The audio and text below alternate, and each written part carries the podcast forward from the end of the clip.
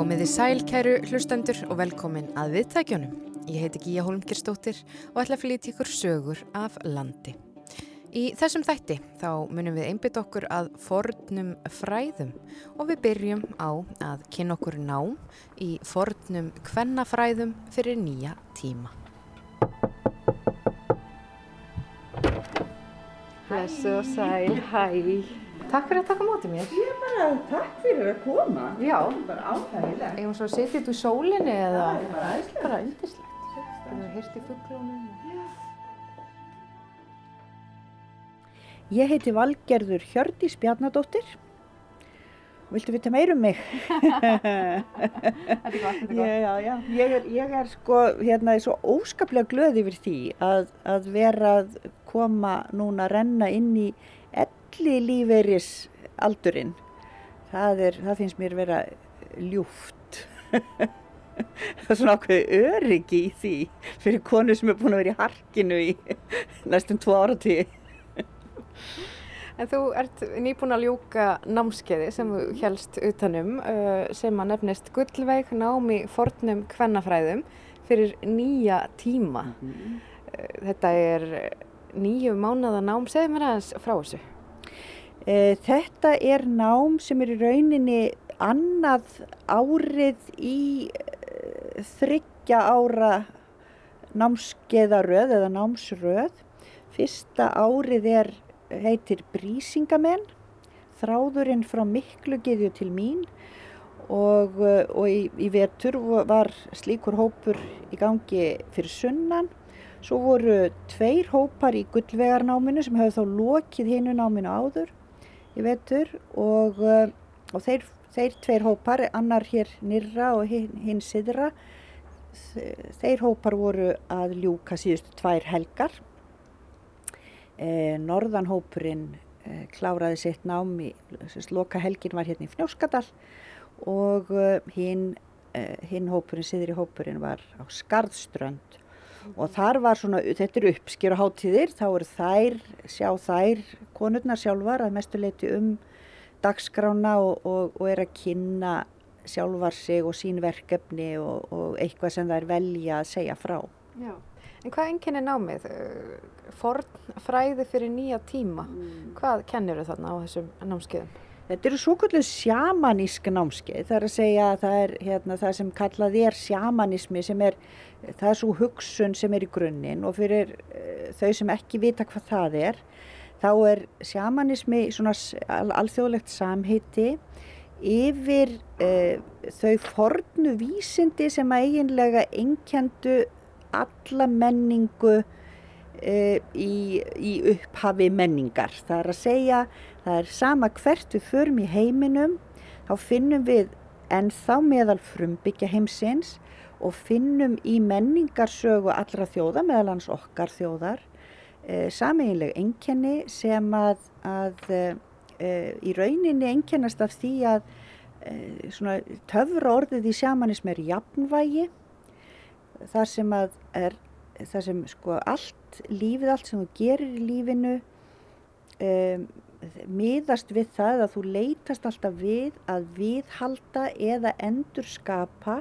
jafnvægi milli sko kvenn og karl þátta, milli kvenna og karla, milli mannesku og náttúru og milli eh, þessara ólíku eh, sem, sem stundum eru kallað bara ólíku sko krafta eða orku sem er í, í uh, hinnum fjórum höfuð áttum stundum kallað frum elementin eða eitthvað svo leiðis eins og vatn, uh, eldur, loft og jörð eða á, ef við færum það yfir í okkar líf að við finnum hérna jafnvægi í okkur sjálfum og í eh, tilverin okkar milli efnislegra þátta, huglægra, tilfinningalegra og andlegra. Og, eh, og námið, eh, þetta gullvegarnám, það er þannig uppbyggt að við erum að skoða e, úr, fyrst og fremst úr okkar eigin rótum, okkar svona norrænu, keltnesku, samísku rótum og við getum líka farið dýpra en, en við erum fyrst og fremst að skoða þar. Hvað er að finna þar sem við getum, sem við höfum tímt kannski svolítið á leiðinni í hérna lífsgæða kapplaupinu og, og fyrringunni allri um, sem jafnvel, sko jafnvel ömmur til dæmis minnarkynnslóðar voru bara í tengslum við um, sem að við getum nýtt okkur fyrir nýja tíma þar að segja bæði bara í núinu í því samfélagi sem við búum í dag með sínum kostum og göllum en, en þó líka til þess að hafa áhrif á samfélagið í þá átt sem við viljum sjá það að fara. Já. Ég átti meiri jafnbæs. Ég átti meiri jafnbæs. Og þetta námskeið er einungis fyrir konur. Er eitthvað svona sérstök orka eða já, traust og námt sem að myndast á þessum námskeiðum þegar þið eruð að kafa þannig ofan í þessar sameiglegu rætur? Jú, það, það, er nú, það eru töfratnir, það er galdurinn við svona. Það er það að, að mynda hóp, eh, skapa hóp og, og það, er, það, það tekur auðvitað alltaf einhvern svolítinn tíma. Við byrjum á helgi, heilli helgi, þar sem í rauninni allt sem við gerum miðar að því að skapa þetta traust á milli kvennana.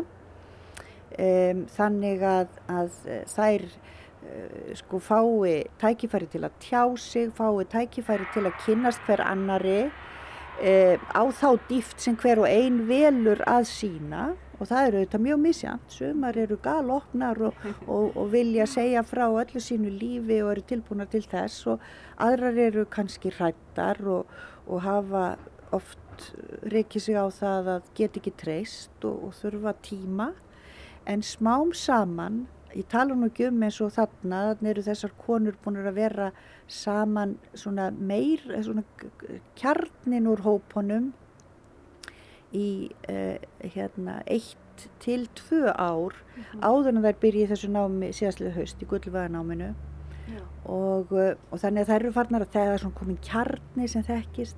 Mér, mér þótti væntu um það, það var til dæmis, það komið þrjár nýjar inn í hópin fyrir sunnan í vetur og einn þeirra sagði núna í loknámsins, núna um daginn, sagði uh, ég hef, og, og svo kona er sko um 60, þannig að hún hefur reynslu, langar reynslu, hún sagði ég hef aldrei komið inn í hóp sem tók eins vel á móti mér og, og ég fann eins mikið tröst í. Og það þóttu mér góður vittnisspörður og það er auðvitað það sem þær segja líka konurnar og það sem dregur þær sko í þetta aftur og aftur og gerir það verkum að þær íta öðru til hliðar og mæta, sko þetta eru sem sagt e, helgi upphafi, helgi lokin og svo alltaf einn heil dagur á mánaðafresti sem þær hittast. Og, og eina af ástafunum auðvitað er að hluta til svona þekkingar þorsti og, og bara löngun í að að gera einhverja skemmtilega hluti. En, en ekki síst bara þetta sistralag sem myndast sem að, að bara geta einhvern veginn kúpla sig út úr öllu og verið fullkomlega eins og einu orðaðið að bara verið fullkomlega ég sjálf. Þurfu ekki verið með neinar grímur ekki neinum hlutverkum bara vera ég sjálf í heilan dag. Það er ótrúlega gjöf. Og það er þetta þegar þú gerir það kannski ár eftir ár einu sinni í mánuði þó þess að genum að einn dagur í mánuði þar sem þú virkilega kemst í þessi tengsl við sjálfa þig þá er þetta bara smá saman getur þú fært það yfir á aðra daga líka Einmitt, hvernig hafa þessar konur nýtt svo já, þessi fornufræði og þessa nýju þekkingu sem það er öðlast inn í bara sitt hverstagslíf? Sko, markmiðið í, í öllu sem ég geri, öllum mínum námskeiðum, er einmitt það að sko, það er ekki þekkingin, þekkingarinnar vegna heldur þekkingin til þess að gera á einhvern hátt hverstægin þinn uh, betri. Að þú náir meira jafnvægi, náir meira ríki dæmi á einhvern hátt sko, tilfinningarlegu, huglegu, efnislegu allt sko, andlegu inn í hverstæðin og það er auðvitað misjamt hvernig það er náð því. Það fyrir eftir í hvernig manneskjur þær eru, þar sé hvaða lífsögu þær eiga og, og hvaða aðstæður þær búa við. Um, konurnar á mínu námskeiðum þær eru yfirleitt frá 20 og eitthvað til 70 og eitthvað og, og, hérna, og eru svona, þannig að þetta er breytt aldurspil og þar alveg er það auðvitað að takast á við og, og sinna ólíkum verkefnum. Sumar eru með börn og, og, og lítil börn og dagurinn þeirra svolítið fullur, mm -hmm. aðrar eru brjáluður í vinnu og eitthvað en aðrar eru á elli lifiri svona komnar inn í ljúfa líf eins og ég að verða og hérna um, og bara allt þar á milli. Um, það sem að það er flestar talum, það er þetta, sko, hvernig þetta sistralag og þessi e, ákveðna auðmíkt e, og, og e, sko, laust frá því að þurfa að setja sér í dómarasæti. Þeim er meira sem ég veit um mæður mínar, formæður og, og vissulega feður líka en, en svona aðalfókusin okkar er á kvenleggina því að hann hefur verið, saga hvenna hefur verið svo dölin, hún hefur verið svo falin og, og skrumskæld að við erum einhvern veginn að endurheimta hana og bara skoða hinnar sönnurætur eða þú veist bara hver er sannleikur þar losa okkur við falsfrettinnar um, um ræturnar okkar sko. Og hérna og, og skoða hverjar eru það raunverulega. Og við það að gera það þá, þá fá konur uh, miklu uh, víðsýtni og, og auðmjúkari á góðan hátt mynd af sjálfum sér, einhvern veginn þurf ekki að vera svona reyðar eða, eða í sem ekki skömm yfir ímsu í sínu lífi, heldur bara já, þetta er bara hlut af mér og, uh. -huh. og, og, og þannig er það og það er allt í lægi og við það verður líka umburðulindi gagvert sko, maðurum sínum, sistrum, dætrum, þú veist allt þetta og, og formæðurum og feðrum og bara öllu vegna þess að við áttum okkur á því að að, að þetta er, við erum hluti af einhverju kerfi sem hefur verið í sífældri breyting og sífældri mótun og í þessum rótum sem við erum að skoða er auður, það er, segja, það er þekking, bæði góð þekking sem við getum tekið til okkar og nýtt í dag til þess að gera lífið okkar betra. Það er líka þekking á hennu hræðilega, hennu hryllilega sem að er í þessum rótum sem að er okkur vítið til varnaður en líka hjálpar okkur að skilja hverjar við erum að, að ef við bara áttum okkur almennilega á því hvernig sko við hvaða aðstæður langamur okkar byggu mm -hmm. þá er auð og, og svo vitum við að bara ekki bara félagslega heldur líka bara erðafræðilega við erfum DNA mæður okkar og, og amma og langama og vissulega líka feðra en miklu, miklu sterkar í móðurlegg, þess að þetta er kvenlegg. Um, það eru bara nútíma vísindi sem hafa sínt það. Að við erfum áföllin. Ekki bara áföllin, munum, það er alltaf verið að tala um það, af því að við erum svo áfalla miðuð, við, við erfum líka sigrana. Mm. Við erfum sko allt, við, já, já, við erfum skömmina og við erfum gleðina og, og stoltið mm -hmm. og, og, hérna, og þessar konur sem að tókust á við áföll, þær, þær sko, ef er ekki bara dóu af þessu áfalli eða fórum koll, nú mm. þá sigruðust þær á því og það erfum við líka. Mm -hmm. og það er mikilvægt að muna það. Og, og það er einhvern veginn gott að finna þetta allan þennan auð og, og bara læra þekkjan í sér. Og það sem gerist er það að, að sko, menna sumar fara bara á kafi að skoða þessar rætur, það er kannski helst það sem eldri eru, sem eru uppteknar af því sko, en, og jafnvel þá líka að finna hvernig er þurfa að miðla því áfram til sinna badna og badnabadna og, og hvað það er mikilvægt.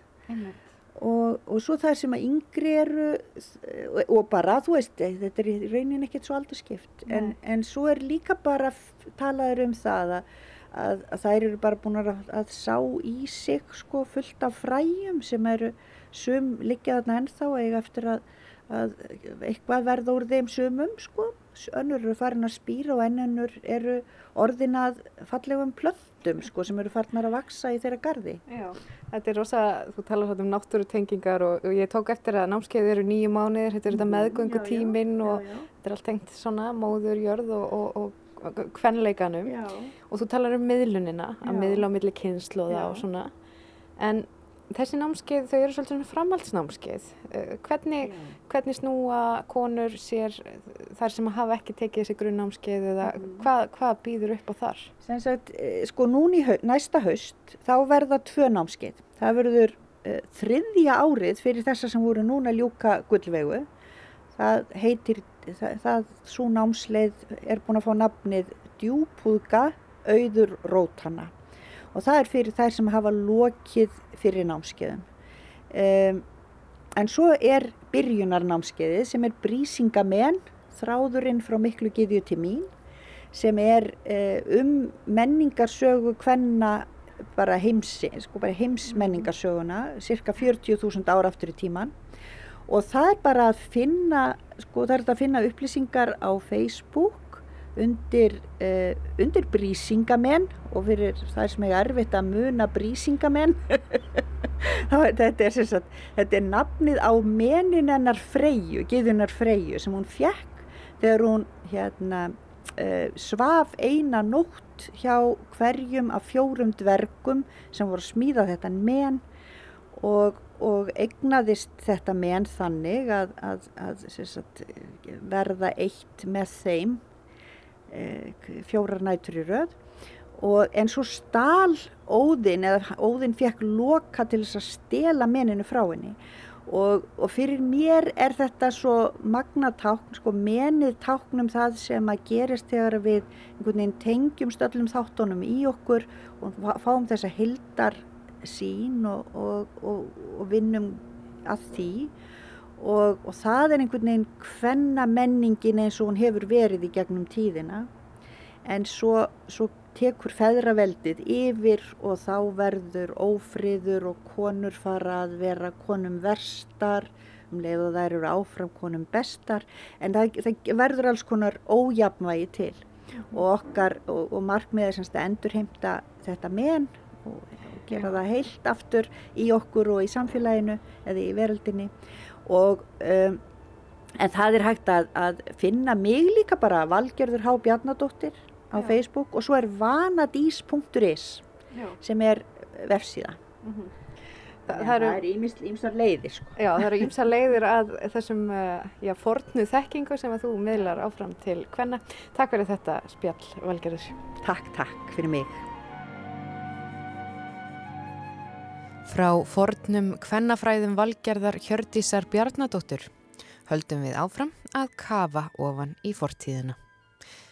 Fyrir nokkrum árum þegar leggja átti ljósleiðara í stöðvarfyrði fundust vísbendingar um fornan mannabústað djúft í jörðu við bæinn stöð. Sumarið 2015 tóku forleifafræðingar pröfu hólu og fljótt blöstu við gamlar mannvistar leifar djúft undir ösku lægi frá 1362. Þau komu niður á gólf fullt af viðarkólum, brendum beinum og lífrænum leifum. Þó hólan væri ekki stór, þá fannst þar einnig koparpeningur eða men. Síðan þá hafa fornleifafræðingar grafið á stöð á hverju sumri og hefur komið í ljós ekki bara stór landnámskáli, heldur enn eldri skáli og enn stærri þar undir, sá stærsti sem fundist hefur hér á landi. Aldursgreiningar benda til að hans sé frá því fyrir eiginlegt landnám og svo kenning hefur verið sett fram að þar gæti hafa verið útstöð höfðingja sem sendi fólk til landsins að vinna verðmæti. Í sumar ljúka forleifafræðingar við að grafa upp gólfið á yngri skálanum en hvergi í skála á Íslandi hefur fundist viðlíka fjöldi gripa. Nú í sumar finnast þeir í tugatali á hverjum degi, perlur og verkfæri. Rúnarsnær Reynisson hitti doktor Bjarna F. Einarsson og fleiri fornleifafræðinga og nema hjá fornleifafræði stofunni sem vinna við uppgröftin á stöð í sumar. Já, blessaður. Sæli, góðan dag. Gerum bara svona núna, sko. Já, rekum bara svona olbúðana saman. Þið eru komið hérna á stöð Enn en nú aftur til að grafa. Já, já, nú er þriðungu búinn, kannski. Þetta er fymta stóra sumarið, pluss uh, pröfugröfturinn sem var haustið á undan. Þetta segja að það geti verið tíu ár eftir að greftri hér. Kemur ekkert óvart. Náttúrulega skálarnir eru svo stórir og þeir krefjast þess að þessu vandlega rannsakaðir sem tekur svakalega langan tíma. Svo erum við búin að finna öskuhauginn og svo erum við búin að finna annað hús. Svo höfum við fundið mannvistarlög sem ég skil ekki í dag og mun ekki skilja fyrir ég er búin að fletta vel ofan af.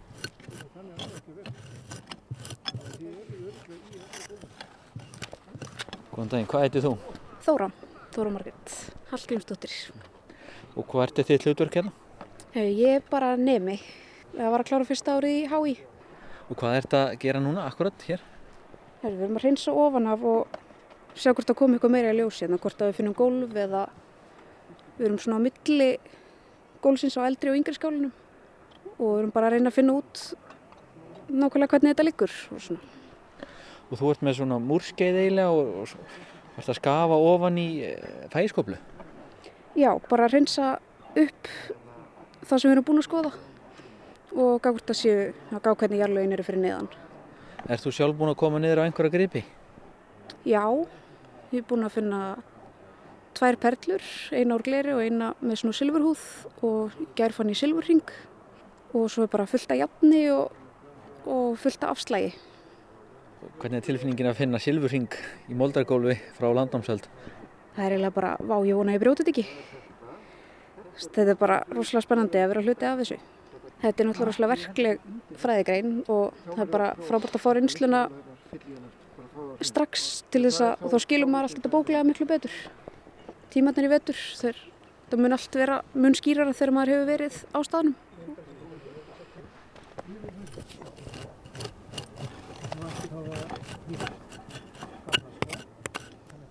Þetta er svart á litin hérna? Já, þetta eru kól, viðakól sem að lita að jarfiðin svona.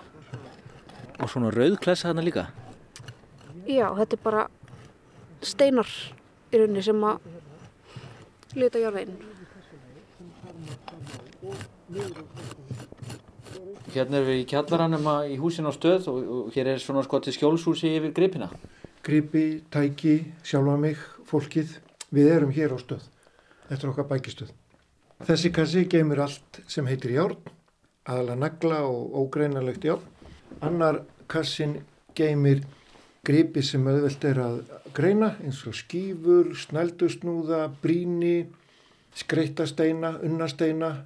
Svo er einn kassi þarna bara fyrir perlur og svo er annar kassi fyrir flögur, slegna, jaspisa, tinnu og glerhalla. Þeir fara í sérstakagreiningu og svo játni þarna aftur við hliðina. Og þessar flögur sem þú ert að tala um, þetta eru þá merkjum áslátt þar að segja einhverjir hafa verið að búa til verkværi. Þetta eru það sem maður rítur af grjótinu þegar það er slegið. Nákvæmlega. Og við týnum núna allt sem heitir flögur, alveg þær allra, allra minnstu, því þær segja okkur til um ímis atferðli fólks, eins og það eitt sem er náttúrulega sjálfgefið, að við langeldin finnast flestar af þessum litlu flögum sem hrjóta þá af eldsláttu steinunum þegar erum að slá eld. Svo finnum við starri flögur annar staðar og finnum þar úti. Nú vitum við það til dæmis að fólk hefur setið innandira við það að búa til verkværi sem eru síðan nótuð utandira og öfugt. Við finnum verkværi sem eru búin til utandira en nótuð innandira. Hvernig svo sem á þessu stendur, en svona er það. Og allar þessar perlur, þær eru rótnar ansi margar ekki sett. Jó, það, ég er hættur að telja en nú er það komnar yfir 120. Sem þýðir hvað? Borið saman sem við gerum alltaf við aðra staði, þá er til dæmi sá höfðingjaskáli sem að kannski er frægastur á landinu, Hofstaðir í Mjósitt. Þar fundust réttur umlega 20. Sá sem kemur þar og eftir er Hrísbrú í Mósfellsdal, réttur umlega 30. Og svo í skálanum í Lækjargötu Reykjavík, þar eru þar 40. Þannig að það er næst perluríkasti staður landsins, það er Lækjargata og þessi er með 120 pluss. Þannig að þetta segir okkur að hér hefur þá verið mikill höfðingi eða búsettar svona lengi eða hvað? Nei, þetta er fyrst og fremst vísbending um velsami, ríkidæmi, völd. Við erum að tala um tvo skála. Annar skálinn er höfðbundin landnámskáli. Það er hús þeirra sem hér settu stað. Skálinn sem er undir tólka ég sem líklega útstöð frá Skandinavíu og þá erum við að tala um allt annað fólk. Þegar sáskáli er hættur í nótkun þá líður ykkur tími, ég gisk á tíu ár, eitthvað svo leys, áður en fólki sem sest hér að kemur á svæðið. Það sé rústir og ákveður að byggja nýjan skála ofan í stóru rústinni. Og það er ákveðin tímaspartnar í því að geta nýtt veggi að hluta til áfram. Það er búið að riðja svæði kannski að ykkurum hluta og, og það var ódýrast og hákvæmast að setjast að í gömlu útstöðinu Og þar eru allar þessar perlur þar að segja í, uh, setni skálanum. í yngri skálanum það eru nokkri vafagemsar sem gætu tilhirt eldri skálanum en það eru vafagemsar og þá telli líklega þeir séu úr yngri skálanum við erum ekkert farin að rannsaka stærri skálan að viti en þá. Það eina sem er öruglega úr eldri skálanum er rómeskur peningur úr silfri sem var mjög blandað kopar. Það er eini gripurinn sem ég með vissu veit að var í eldra gólfinu svo eru nokkur í viðbútt eins og bríni, ónótuð mjög stór bríni sem eru svona dæmiger bríni sem að sér á vestlunastöðum sem er verið að kaup, eh, selja ónótuð, þau gætu hafa tilhert eldri skálan og þau voru þrjú. Og þessi peningur, hvað uh, taknar hann eða hvað má ráða í hann? Það er ekki eftir að greina peningin, hann er ofmáður en hann hefur enda sína daga sem menn búið að bóra gati hann og hann hefur hangið um háls einhver sem hinga kom. Það er eina sem við getum sagt. Mér langar til að sína þessa perlu hérna. Þetta er svo kvöldu augnaperla. Þú sér það, hér er, er svona ringur og augasteytin hérna í miðunni og þeir eru þrýr þessi perla kemur frá Arabíu og augun er einmitt auga alla og þessa perlu bera síðan út um alla norður Evrópu. Þetta er önnur svona perlan frá stöð. Það eru sjálfgefar. Hinnar perluna hérna eru óskup venjulegar eins og þessi litla glerperla hérna. Við erum að finna mikið af núna í ár litlum perlum. Þessi er gul, það eru líka bláar og jafnvel grænar af þessari stærð. Svo kemur hérna íslensk smíð úr íslenskum sandsteini, svona hálf gerði eins og þú sérð, að búa tálkana til en það er ekki búa hana. Þetta er sem sagt íslensk smíð, þeir hafa þurft að bæta aðeins í perlubandi sitt, þingja í því eitthvað. Svo eru til aðeins starri gripir en þetta, úr sama efni, en þá eru þeir ekki lengur perlur, heldur agnarsmáir snældusnúðar og við erum búin að finna þrjá eða fjóra svona agnarsmáa og það er allt önnur spunaðferð en við þessa klassísku stóru þar sem fólk er að spinna tiltula gróft garn í vaðmál. Þessi litlu er til þess að búa til eitthvað mjög fínt. Mjög fínt. Þá erum við að tala um samt uh, væntanlega úr öll. Úrull, já, væntanlega e, og ykkur skrautklæði sem sæmir bara höfðingjum. Ég held að ég hafi það fyrir satt að þetta séu minnstu snældu snúðar þrýr sem fundist á Íslandi. Ég held það. En þessar augperlur, hvað segja þær okkur? Segja okkur bara það hvað heimurum var lítill á vikingöld, hvað menn fóru víða til að höndla vörur. Að koma frá Kalifattinu eða Arabíu er náttúrulega langur vegur, en það eru margi, margi, margi vestlunstæðar á milli.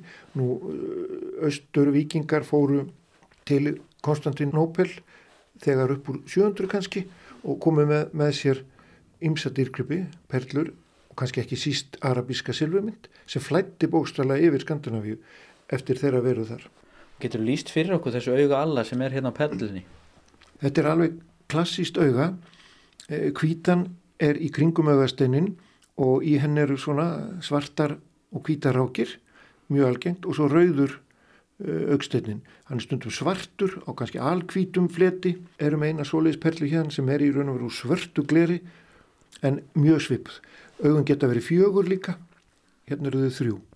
Þetta er mjög flókin tækni við perlugerð og gleri en var þekkt náttúrulega. Og þessi perla er úr gleri, það voru við að tala bara um brættan samt. Í stórum dröttum, með ýmsum í blöndunar efnu náttúrulega. En hún er í prinsip úr sandi á. Og þú geymir þessar perlur í þínni neftóbak stórs. Já, að ég er hættur að taka í nefið sjálfur en þetta er svona til minningar um það. Nei, sá sem fann þessar perlur, hann tekur sjálfur í vörunarindar. Þetta er dósin hans og þetta er mjög gott að geima dýrgripi í. Viltu sjá fleiri núna? eða? Þetta bjóða mér eitthvað verkfæri?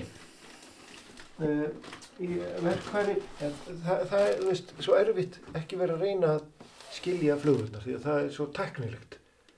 En þið hafið fengið sérfræðinga hinga til þess að lesa í þessar flögur þennan áslátt Já. til að svara því hvernig verkfæri menn voru að búa til og til hvers.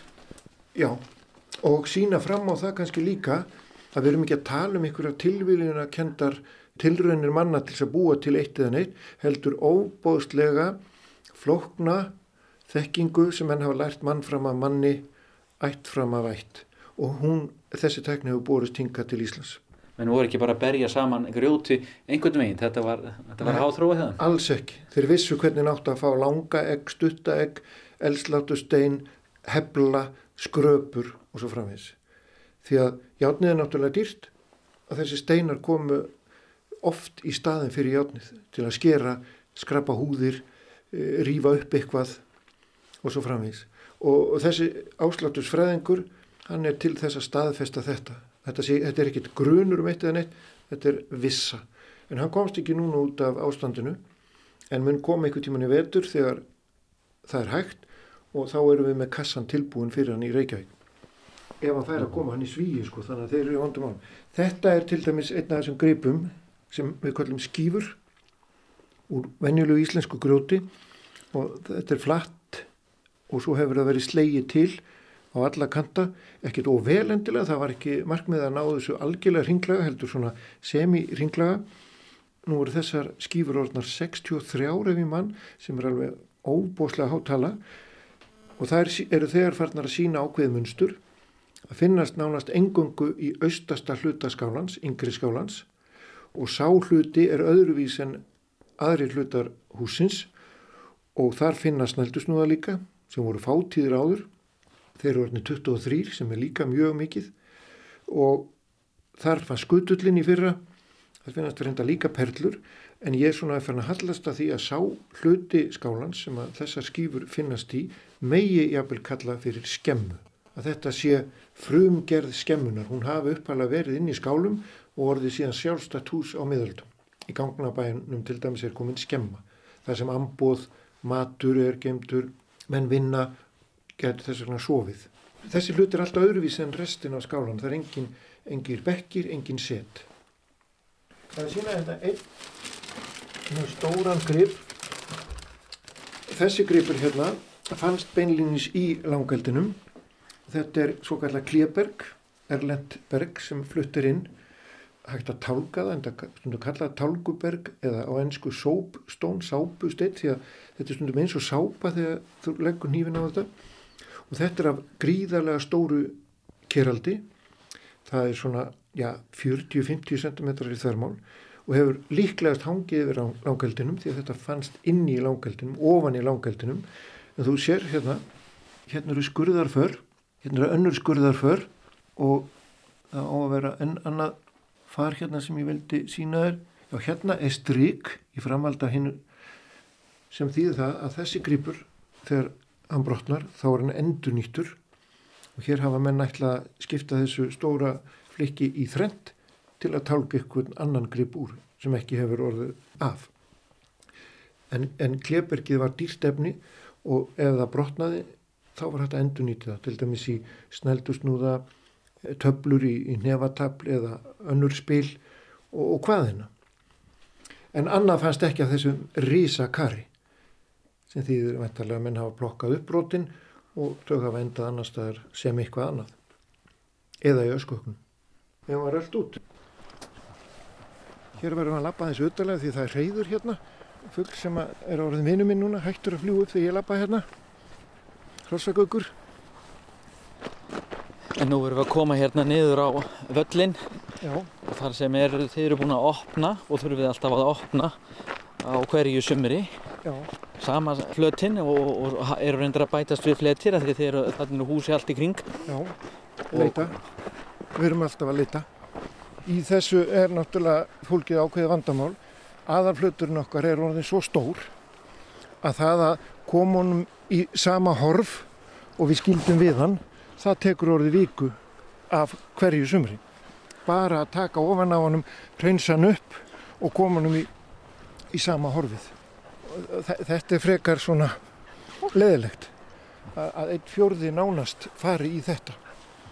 Að þið myndu vilja hafa meiri pening og Já. gera þetta á skemmri tíma, færri árum og það er ódýrar þegar uppir í staði? Það er ódýrar þegar uppir í staði. Fyrir utan að það, það er alltaf eitthvað sem gerist á milli sem við höfum enga stjórn á frost og veður og umferð og þess að þar. Þannig að það var hægt að spara gríðanlegan pening með því að setja miklu meiri pening í þetta. Perla. Perla. Tvöful blá. 120 eitthvað vantilega. Já, blá tvöful perla. Nokkuð algeng hér. Alltaf eitthvað að finnast? Það er stöðugt að finnast. Það, er, það finnst svo mikið að það hægir á sjálfum uppgröstinum. Það þarf að mæla þetta allt inn, setja þetta í, í réttar hyslur og ganga frá þessu. Bara núna frá því við byrjum er greipirnir orðnir eitthvað um 190 og fara kannski upp í 300 því að nú er svo mikill gangur í þessu og alltaf finnast því að við erum að skoða golfin í yngri skálanum og þar er yfirleitt mest af greipum. Þarna séu Þorger í stjettin okkar. Hún er núna öll framgrafin, stjettin sem liggur utan í raun og veru báðaskálana og ef þú horfir þarna í flötin þá séu þau nokkra steina sem eru austast. Mm -hmm. Þetta er gablin á eldri skálanum. Nú vitum við að hann er 43,9 metrar langur. Það er óheimjustort. Eldri skálin? Eldri skálin. Mögulega útstöðin? Nákvæmlega. Og uh, yngri skálin? Hann er eh, eitthvað í kringu 31 metur. Ég man ekki alveg törna, 32,4 finnst mér endilega hann að vera. Og hafið þessi eldri skáli verið útstöð og þá svona stór, þá hefur hann endilega þurft að vera stór vegna þess að menn hafa verið með einhvers konar vinslu? Já, það hefur í fyrsta lag verið margt manna og hann gæti vel hafa verið byggður í áfengum. Við vitum það ekkert ennþá. Hann er ekki eins og skálar eru svona almennt heldur samastendur hann í raun og veru af ymsum húsum undir einu þakki. Endin er smiðja, það vitum við. Svo kemur annað rými sem við vitum ekkert um, en restin er undir yngri skálan. Og það verður ekki grafið fyrir einn setna þegar að búið er að taka yngri skálan alveg Já. í nefið? Já, það þarf að grafa hann í burtu og, og vona þið besta að, að hann hafi ekki alveg eigðurlagt eldri skálan sem hann hefur ekki alveg gert, við vitum það svo sem en á stökustad hefur það gerst og víða er, eru veggirni samnýttir, þar að segja langveggirnir, þá hafa þeir sem hingað settust að ákveði bara nota gamla veggin og fengi þá auka þygt á veggin, miklu öfluri hús, en helsta vandamálið er að golfin rennast undir saman. Það gerir þetta mjög flókið. Eftir allir norður hlýðinu þá eru golfin meirið að minna ofan í hvort öðru, en að sunnaverðu þá er dálít til áfóksmóld á milli Þess vegna sagði ég að það, það hafa kannski liðið tíu ár frá því að eldri skálun er úr notkun þangað til fólki kemur hérna og byggir sér nýjan skálun. Og þessi útstöðarkenning, hvernig er svona sagan í henni? Getur líst því? Í stöðumáli? Já. Já, svona um það bil upp úr 600 jafnvel, þá fara norrænu menn að vika sjóndeldarhingin sinn og leita að ráefnum, leita vestlunar tengslum E, og leita út á við svo að segja og svo kemur seglskipi til sögunar og þá er þetta að leita lengra þeir koma til Breitlandsega Sjettlandsega, Orknega og Suðurega setjast þar jafnvel að koma á vestlunatengslum og þessi ásokn í öðlindir heldur áfram þeir ná Færium Íslandi, Grænlandi Vínlandi og þegar þeir snúa tilbaka frá þessum stöðum þá takar ekki bara með sér vörur og ráefni, heldur líka þekkingu um möguleikana sem þar voru. Á Íslandi þá, hér voru engi til staðar, hérna voru viðfemnar eh, grasléttur, skógar, fiskur í hafi, kvalur í hafi, selur, allt sem þurfti í raun og þetta var öruglega góðsenn land. Og það er á grundvelli þessara upplýsinga sem að þeir öfluður sem þetta land nýttu fyrir landnámið Það voru grundvelli þeirra upplýsinga sem fólk tekur upplýst ákvörðunum að flýtjast yfir hafið og setjast hér að. Og þá vantarlega hefur útstöðum smá saman fækkað bara út af samkeppni til dæmis. Það er svona, þetta er grundtónin í þessari kenningu. Og gengur út á það að, að, að höfðingjar í öðrum löndum, kannski í Noregi, hafi sendt menn til að afla verðmæta. Nákvæmlega. Fara út, finna auðafinn, finna ráöfnin, kaupa það, stela því eða vinna það sjálfu, skipti engum máli. Bara vörurnar kæmu aftur tilbaka til höfðingjans sem þannig gætt haldið völdum með til dæmis í að gefa hluta til e, samherja sinna og halda völdum og treysta böndin þannig. Akkurat. En við mögum ekki stíga niður fæti hvar sem er hérna? Nei, nei, nei, nei, nei, nei. Það, ég er eiginlega til dæmis bannaður hérna ofan í því að ég er á svo grófum skóm. Hér er allir á gummiskóm, eins og sérð. Við erum bara að fara að berfættir. Hér, hér sérðu spór og þá máttu lappa hérna. Til dæmis ef þú nærðu nú ykk, tali af ykkuru, ykkuru þessara. Þannig er, er einn stúdína, hérna er reynslubolti, ungforlega fræðingur, ungforlega fræðingur, orðin reynslubolti og svo eru stúdendar þarna. Eh, hvað segir, ertu búin að finna grip? Nei, þetta er bara afslag. Sýnst mér. Þá er þetta svona flaga úr einhverju sem er rokkið af steinið sem einhver hefur reyna að breyta í verkværi. Já, já, hluti af því. Við erum að finna rosalega mikið af því. Kristján Mímusson heiti ég, ég er bara forlega fræðingur hér. Staðin er núna þannig að við erum með þessi tvö hús og yngra hús er byggt inn í eldra hús og, og svolítið flókið að skilja á milli góllaga hvað er yngra og hvað er líkur því yngra og hvað er byrjar það eldra og við erum bara svona að finna út strategíu til þess að uh, greina þar á milli. Er þið konið með einhver aðferð? Já, já, það, það, það segir sér sjálfur sér sjálf. Við, við prófum okkur áfram, við, við gerum pröfuhólur og snýðum, við vitum á ákveðnum stöðum hvar mörkin liggja á milli og við getum fíkrað okkur þaðan frá, þannig að það er, ég hef yngar áhyggjur af því, við munum leysa það sko. Við munum byrja á því að klára það sem tilherir yngra húsinu áður en við förum að vinna í þeim leifum sem tilherir eldra húsinu, við munum gera þar alveg skýr greinamörk þar á milli. Og hvað er þið mörg að vinna hérna núna í sömur? Það er um, ég mun bara að telja það núna, í fjóru, fimm, 6, 7, 8, 9, nei, um 10. Já. Og þarna eru einhverjir að, að smúla mold eða þið eru með svona sikti? Það er verið að sikta úr þessum sérstaklega golflögum en, en öllum mannvistarlögum sem eru þannig að þau bera mikið af gripum og það er mikið af mjög smáum gripum sem ekki sjást þegar bara verið er að grafa þannig að það þarf að sikta og, og, og leita þeim í sikti mikið af einmitt þessum smáu fínu fundum sem við höfum gert hér hafa fundist í siktinu perlur og annað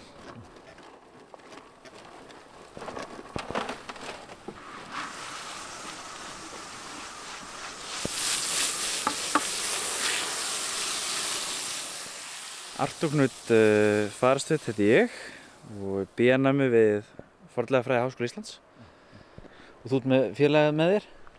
Ég heiti Almar Smári Óskarsson og er nemi í fornlegafræði í Háskóla Íslands.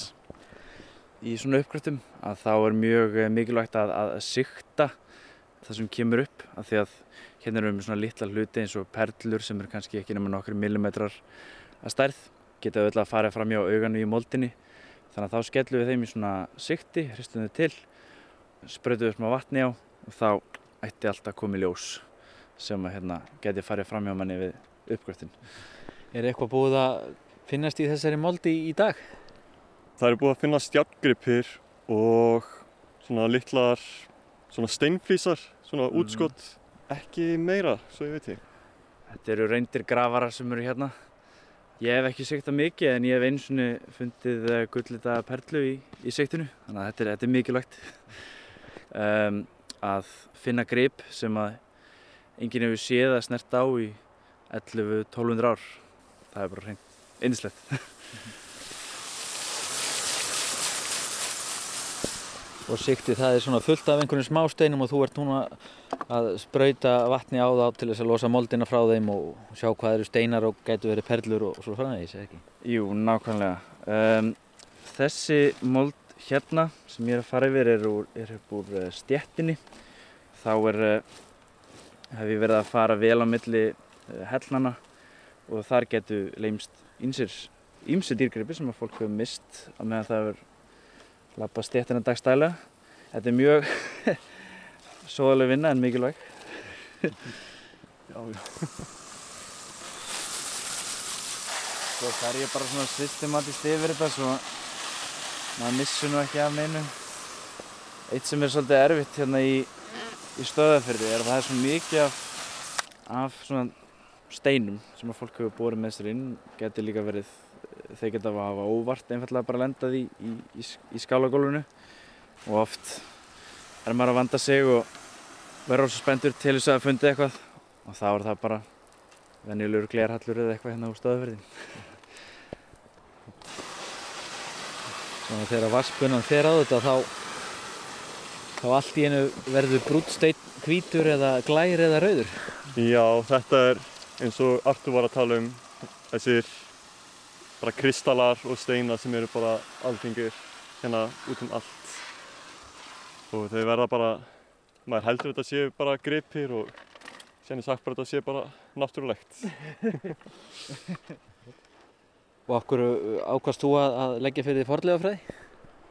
Bara hef alltaf haft áhuga fyrir þessu og voru undir á Jonesi á lítill og það virtist vera skemmtilegt. Það er kannski ekki eins mikla sviftingar hér eins og hjá honum en, en, en, en hérna, þetta er ákveðið ævintýri að þið er eiginlega ferðast aftur í tíman. Það er mikið rétt. Bara að finna gripi frá vikingaöld og bara reyna að leysa ráðgatur og eitthvað þannig. Mm.